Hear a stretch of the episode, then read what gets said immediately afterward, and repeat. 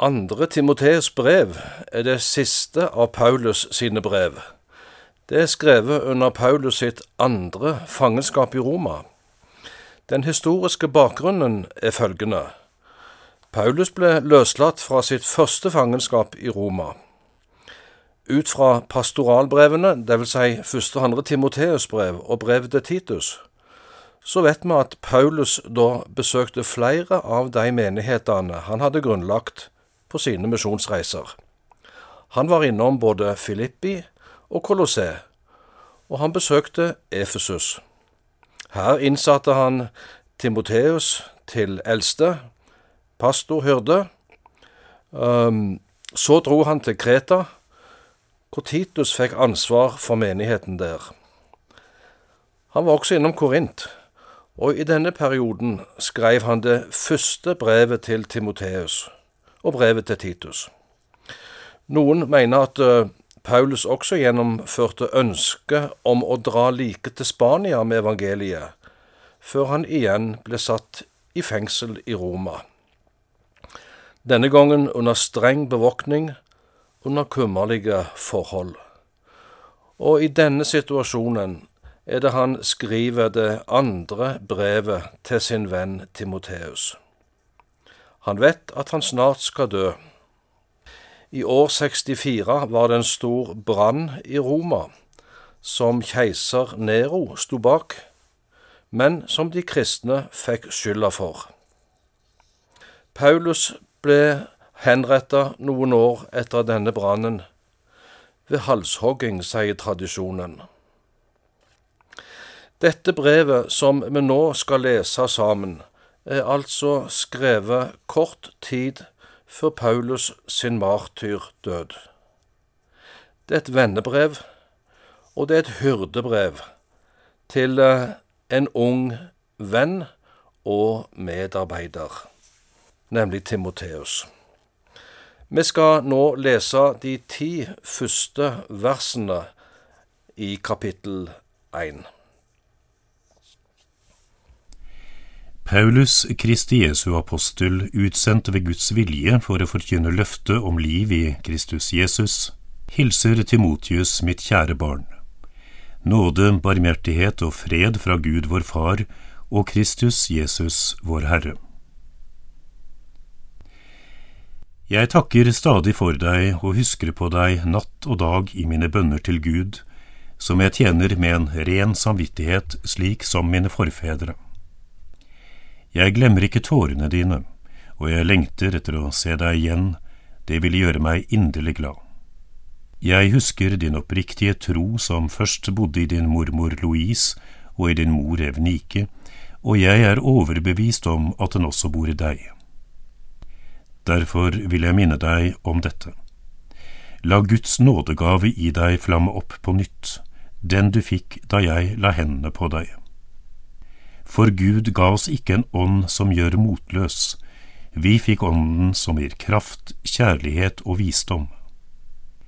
Skam deg da ikke over vitnesbyrdet om vår Herre, og heller ikke over meg som er fange for Hans skyld, men bær lidelsene for evangeliet du også, i den kraft Gud gir. Han har frelst oss og kalt oss med et hellig kall, ikke på grunn av våre gjerninger, men etter sin egen vilje og nåde, som er gitt oss i Kristus Jesus fra evighet av, og som nå er blitt åpenbart ved at vår Frelser Kristus Jesus kom til jord. Han har gjort ende på døden og ført liv og udødelighet fram i lyset ved evangeliet. Paulus starter som vanlig sine brev med å presentere seg som avsender av brevet, for så å nevne mottakeren. Og det tredje ledd i denne tradisjonelle åpningen er en nådehilsen. Paulus er bevisst på at han er en apostel på lik linje med de tolv. Han har en apostels autoritet og er utsendt med et bestemt budskap, nemlig å forkynne løftet om liv i Kristus Jesus. Han er kalt til å forkynne evangeliet. Og så merker vi oss at Paulus kaller Timoteus for mitt kjære barn. Timoteus var fra Lystra i Tyrkia, og Paulus var innom Lystra på sin første misjonsreise. Det kan vi lese i apostelgjerningene kapittel 14. Det vokste fram en menighet i Lystra, og på sin andre misjonsreise er Paulus innom byen igjen. Apostelgjerningene kapittel 16 vers 1 forteller at der var det en disippel som het Timoteus, sønn av en jødisk kvinne som var troende, og en gresk far. Og Så skjer det at Paulus tar Timoteus med seg videre på sin andre misjonsreise. Når Paulus kaller Timoteus for sitt barn, kan det bety at Paulus ser seg som Timoteus sin åndelige far, som kanskje har fått hjulpet han til tro på Jesus. Apostelgjerningene kapittel 16 vers 2 sier at Timoteus hadde godt vitnesbyrd av brødrene i Lystra. Og Paulus ser at denne ungdommen kan bli en god medarbeider. Paulus takker Gud for Timoteus. Nå har de vært venner og medarbeidere gjennom mange år. Paulus er kommet mot slutten av sin tjeneste og sitt liv. Nå vil han gi stafettpinnen videre til sin unge venn. Tonen i versene vi nettopp leste, fra vers 3 til 10, er veldig personlige. Det første Paulus sier til Timoteus, er at jeg ber for deg. Du er i mine bønner dag og natt. Der i fengselsgrotten i Roma. Nå var misjonærperiodene til Paulus over, men bønnetjenesten fortsatte. Jeg ser for meg at Paulus hadde en lang bønneliste, der han ba for medarbeidere og menigheter som han hadde møtt gjennom mange års tjeneste. Og Paulus glemmer ikke samværet med Timoteus, der de hadde delt både gleder og sorger i sammen. Jeg glemmer ikke tårene dine, Timoteus. Jeg savner deg og det gode fellesskapet vi hadde i tjenesten. Og så sier han, du har en god arv med deg fra heimen din, Timoteus. Både mor, Evnike, og mormor Louis hadde en oppriktig tro, og den har du også fått del i.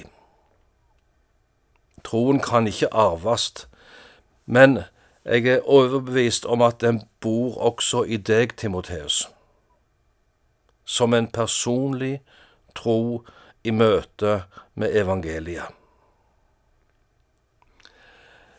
Her er et takkemne for enhver som har fått vokse opp i en kristen heim. Nå står Timoteus i en tjeneste som pastor i menigheten i Efesus. Og så sier Paulus, det er noe jeg vil minne deg om, Timoteus. Husker du da jeg og noen av de eldste la hendene på deg og ba for deg? Da fikk du en nådegave. Og Paulus hadde minnet Timoteus om akkurat denne hendelsen også i sitt første brev. For i 1. Tim 4,14 står det forsøm ikke den nådegaven som er i deg, som ble gitt deg ved profetiske ord med håndspåleggelse av de eldste. La den flamme opp på nytt. Eller som det står i en annen oversettelse, at du opptenner den på nytt. Denne gaven, Timoteus, den virker ikke automatisk. Den må holdes levende. Flammen må ikke slokne, tenn den på ny. Det kan synes som Timoteus hadde blitt motløs i tjenesten. Det kan være mange grunner til det. Paulus, hans åndelige far, satt i fengsel. Han som hadde vært hans medarbeider og gode støtte, hans sjelesørger. Videre ser det ut som at Timoteus sleit med, eller hadde slitt med, med helsa si. Det kommenterer Paulus også i dette brevet. Kanskje har det vært problemer i menigheten. Så har motløsheten fått tak i Timoteus. Og nå skal vi legge merke til, i det vi leste, den sjelesorg Paulus nå møter sin venn med. Først sier han, motløsheten kommer ikke fra Gud. Det er sjelefienden som vil gjøre deg motløs, slik at du trekker deg unna både tjenesten og mister fokuset på Jesus. Du fikk nådegaver, Timoteus. Ånden gir kraft, kjærlighet og visdom. La Guds nådegave få flamme opp i deg på nytt. Ja, hvordan skal det skje, da? Jo, og nå forkynner Paulus evangeliet for Timoteus. Både du og jeg, Timoteus, vi må ikke skamme oss over evangeliet, men være villige til å bære de omkostninger det fører med seg i vår tjeneste. Og det må skje i den kraft som Gud gir. Og så retter Paulus blikket mot Jesus. Hør, han har frelst oss. Han har kalt oss med et himmelsk kall, ikke på grunn av våre gjerninger, nei, etter sin egen vilje og nåde, i Jesus Kristus. Han som kom til jord som vår frelser, han som gjorde ende på døden, da han døde i vårt sted og ved sin oppstandelse har han ført liv og udødelighet fram i lyset. Dette er evangeliet, og dette er veien ut av motløsheten til Moteus. Dette er veien til fornyelse, til å tenne opp igjen nådegaven, slik at den flammer opp på nytt. Dette er ord til deg og meg òg. Du som er en kristen, og kanskje kjenner på motløshet. Grunnene kan være mange. Men jeg tror Trygve Bjerkreim gir oss bibelsk veiledning når han sier i sangen sin Det fins ingen grunn til mismot for deg som på Kristus trur. Men da må du ha blikket ditt festa på Jesus da må du leve i evangeliet, både for ditt personlige kristenliv og for den tjeneste du har i Guds rikes arbeid. Her skal vi stanse for i dag. Ha en fortsatt velsigna dag.